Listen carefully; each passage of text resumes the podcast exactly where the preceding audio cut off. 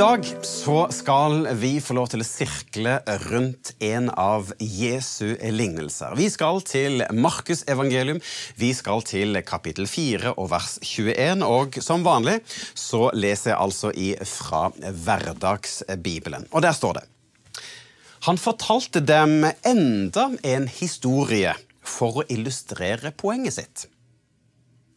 Ok, Altså, Jesus han har nettopp fortalt en lignelse. Og nå forteller han en ny lignelse som vi skal få lov til å se nærmere på. Så la oss derfor gå tilbake igjen til starten av kapittel 4 for å se hva det Jesus har fortalt. Og der står det.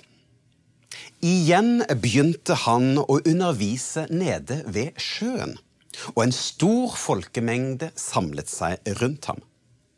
Derfor gikk Jesus om bord i en båt som lå på vannet. Mens folket satt på land, underviste han fra båten, og han brukte historier for å illustrere hvordan Gud tenker.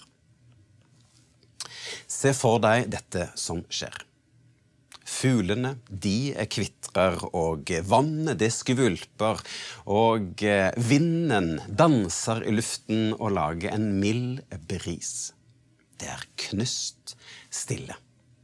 Kun én mann som står der og prater. Folkene de sitter der musestille og får med seg av beundring det som skjer. Mannen, historiene, autoriteten, de er fengslet av det som skjer.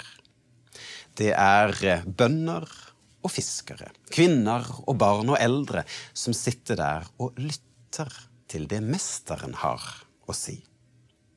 Hør historien om bonden som gikk ut for å så, sa Jesus. Alle de kjente jo til bøndenes viktige oppdrag og oppgave. De måtte så, og de måtte høste. Og når mesteren da begynte å snakke om denne mannen som var ute og sådde, så skjønte de hva dette var snakk om. Fordi at Jesus han brukte ofte lignelser og bilder når han underviste. Lignelser det er altså korte historier som er fra hverdagslivet for å fortelle om hvordan vi skulle leve, og hvordan Gud og Guds rike er. Og visste du at uh, omtrent en tredjedel av Jesu undervisning er nettopp lignelser? Lignelsen om mannen som sådde det forteller oss om hvordan vi mennesker hører på det Jesus har å si. Såkornet det er eh, Bibelen, eller Guds ord, og fuglene og steingrunn og tornene er altså da forklaringer på hvordan ulike mennesker lytter til det Gud har å si. Jesus han avslutter da denne lignelsen med å si den som kan bruke ørene sine til å motta åndelige sannheter. Han bør høre godt etter.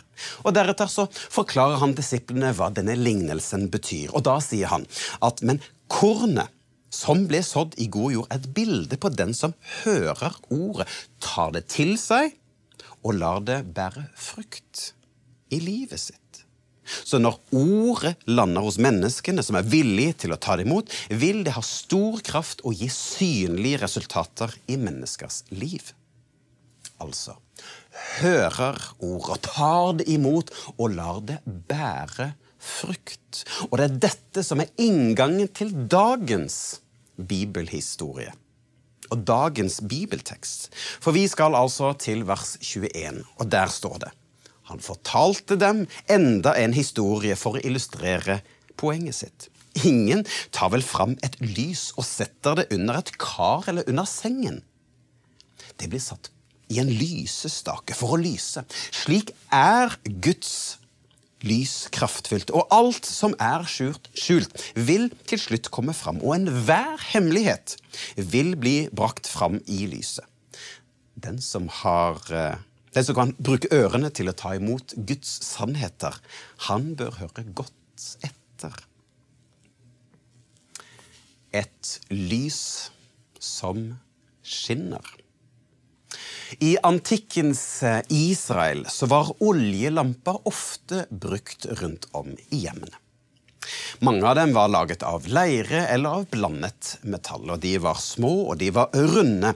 Og det var en veke som fløt i oljen, som hadde en egen, egen inngang eller åpning.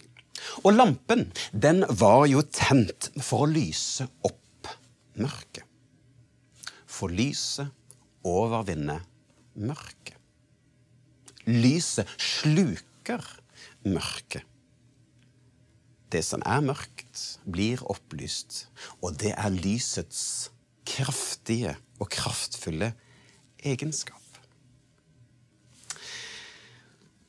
Hva dette lyset er et bilde på, det kan man tolke på ulike måter. Noen teologer de peker på at dette lyset det er Guds ord eller Guds budskap. Og andre peker på at det er Guds rike i seg selv.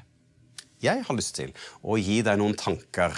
Og jeg har eh, tenkt å kalle det for et, et indre plan og på et ytre plan. Først til et indre plan. For Jesus fortalte jo nettopp denne lignelsen om såmannen først, og nå forteller han om denne lampen for å utbrodere mer om denne sannheten.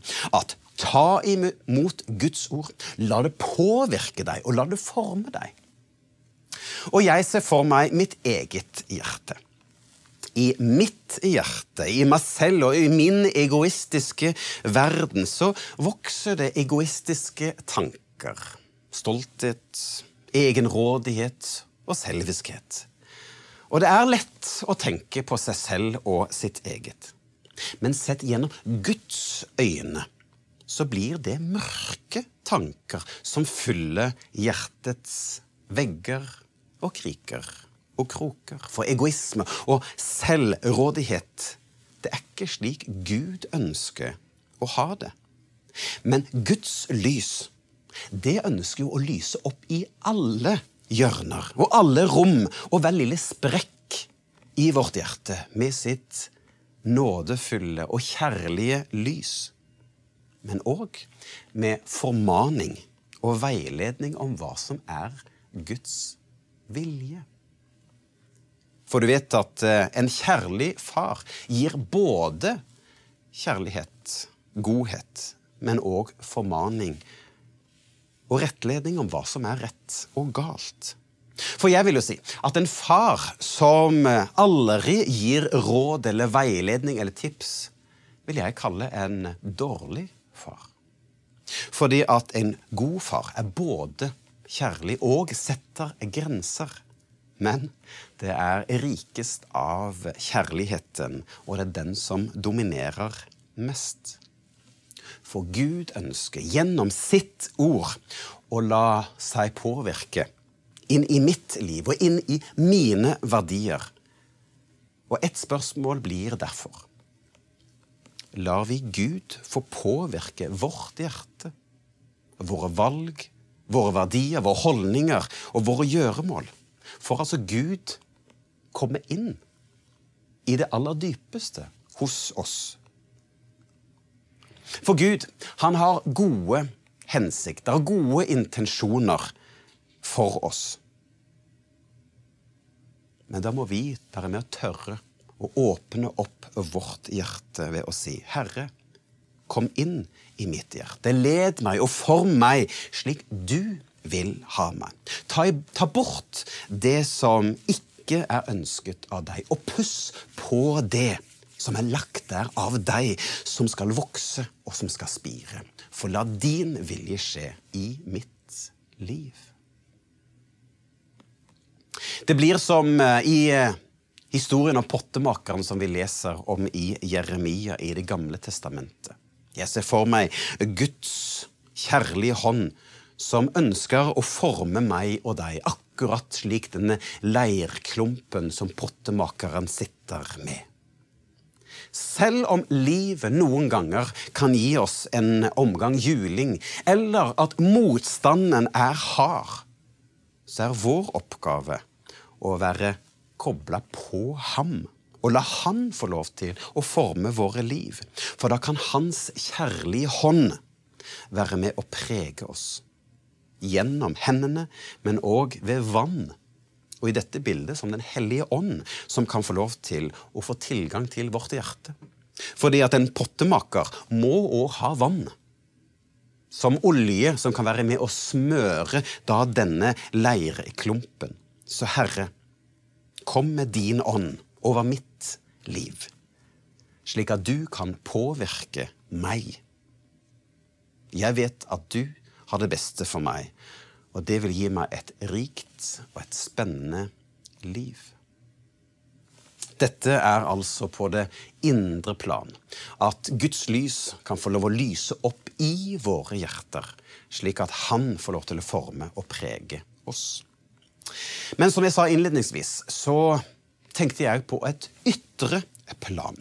Fordi at denne lignelsen kan òg si noe om vårt ytre liv. For ordspråkene sier Bevar ditt hjerte framfor alt som bevares, for livet utgår fra det. Altså, livet går ut fra hjertet. For i det ytre Fra det indre så vokser det ytre liv. Det hjertet er eh, fullt av. Det renner munnen over med. Hverdagsbibelen sier det slik. For ut av munnen kommer det som hjertet er fullt av. Et godt menneske henter fram gode ting fra hjertet sitt, der de har lagret gode skatter. Et ondt menneske henter fram onde ting fra det onde som er lagret i hjertet sitt. For når hjertet vårt er koblet på Gud, og når Han og Hans ord får lov til å påvirke det, så vil det skinne Jesus gjennom meg og deg. På en samme måte som denne lampen ikke kan skjules, så skal heller ikke troen skjules. Og heller ikke holdes for seg selv, men på en viselig måte vise hvem Gud er. Derfor så blir det naturlig for meg å spørre lyser det Jesus av livet ditt? Kan mennesker gjennom ord, handling, holdninger, verdier se og merke at Jesus lever i deg. Nå er ikke dette ment som en pekefinger fra meg til deg, men heller for å gi deg noen refleksjoner, noen tanker om hvordan troen skal leves. For å inspirere deg til å ta Jesu ord på alvor. Så la oss tenke oss en skala. Ja, vi har eh, helt her ute så kan vi si at eh, lysets flamme er svak. Og den merkes knapt og er nesten usynlig. Og her borte så er da flammen kraftig og sterk og stor. For dersom flammen vår i denne oljelampen er så svak at ingen merker det, ingen merker liv eller gleden i troen, ja, men da fører det lite med seg. Selvsagt så kan det være krevende det å stå for en kristen tro innimellom. Det kan være motstand vi kan møte, og da er det ikke lett å ha en stor flamme. Det kan òg være tider hvor det er motstand i livet, og det er mye som skjer. Det kan òg hende at troen har fått seg en liten skramme, slik at eh, det blir lite. Det blir smått. Men hør. Troen skal ikke gjøres, den skal leves. Det betyr at troen skal naturlig vises i livet. Ikke av plikt eller trang, men ut fra en relasjon med Jesus. Også For det andre så kan òg denne svake flammen skyldes flere ting. Det kan bety at troen ikke betyr så mye lenger. At man har fått et kjøligere forhold til Gud. Eller det kan òg hende at det er fordi at man får for lite input. For lite Guds ord, for lite forkynnelse, lovsang, inn i våre liv. Så Derfor så har jeg lyst til å stille deg et litt provoserende spørsmål. Ser livet ditt ut bortimot det samme som en som ikke tror? Gud, han inviterer seg til å komme til deg. Ikke av plikt og ikke av tvang, men han ønsker å komme inn i ditt liv, inn i ditt hjerte, for å ta større del av det du har. Så slipp han inn. På den andre siden så hadde vi altså der det var en stor eh, flamme. Der vi har mennesker som lever et liv tett og nært sammen med Jesus. Og man kan se at eh, det er mye spennende som skjer, og Guds ånd virker og bor i mennesken. Og man kan se et synlig liv av Jesus. Men visste du at det er òg slik at i denne siden er det òg ulike fallgruver? Fordi at denne oljelampen som Jesus her snakker om, den kan òg misbrukes. For dersom jeg tar da denne lampen og fører den bort til et stykke med tøy, ja, men da vil jo da dette brenne opp. Og i verste tilfelle faktisk kanskje brenne opp et helt hus. Troen kan faktisk i ytterste konsekvens skade andre. For et brent barn skyr ilden, er det et ordtak som sier. For det som vi blir for pågående med vår tro, med å argumentere og krangle, eller til og med skremme folk til tro, ja, men da kan mennesker bli brent. Og kanskje de da velger bort troen på feil grunnlag. Det er ikke vår oppgave å argumentere mennesker inn i Guds rike. Det er kun Gud og Hans ånd som kan gjøre det. En oversettelse sier i 1. Korinter at 'jeg la ikke mitt ord og mitt budskap med overtalende argumenter og visdomslære, men med ånd og kraft som bevis. Altså det er Guds ånd som påvirker til frelse. Det er Han som overbeviser til tro. Så Derfor tenker jeg at oljelampen må stå i kontrollerte forhold, og skal ikke brenne opp, men heller skinne og lyse opp i omgivelsene. Vår tro skal gjennom visdom få lov til å skinne Jesus der vi er.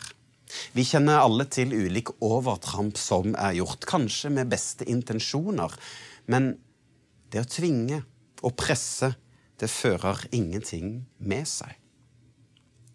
Og så må heller ikke troen bli så svak at den ikke merkes. Troen skal ikke gjemmes, men det skal leves. Og mellom disse to ytterpunktene så kan vi finne en sunn og en god balanse i dette. Slik at gjennom Den hellige ånd så kan den inspirere og peke på Jesus gjennom våre liv.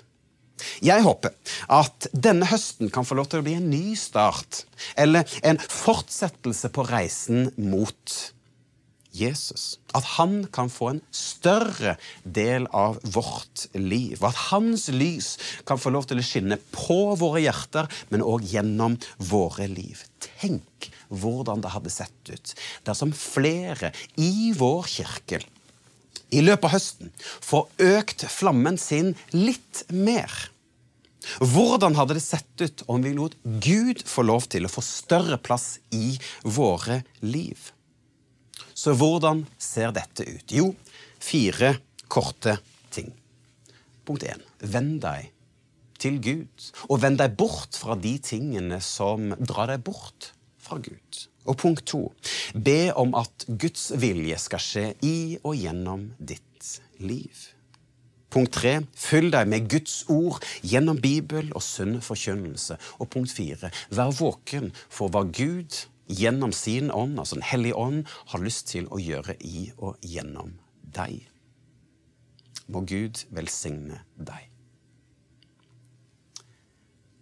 Så med dette så har jeg lyst til å avslutte denne sendingen, og jeg håper at dette kan være ord til inspirasjon og litt grann forbanning, men at du kan tenke ja, Herre, kom inn i mitt liv og gjør ditt verk hos meg.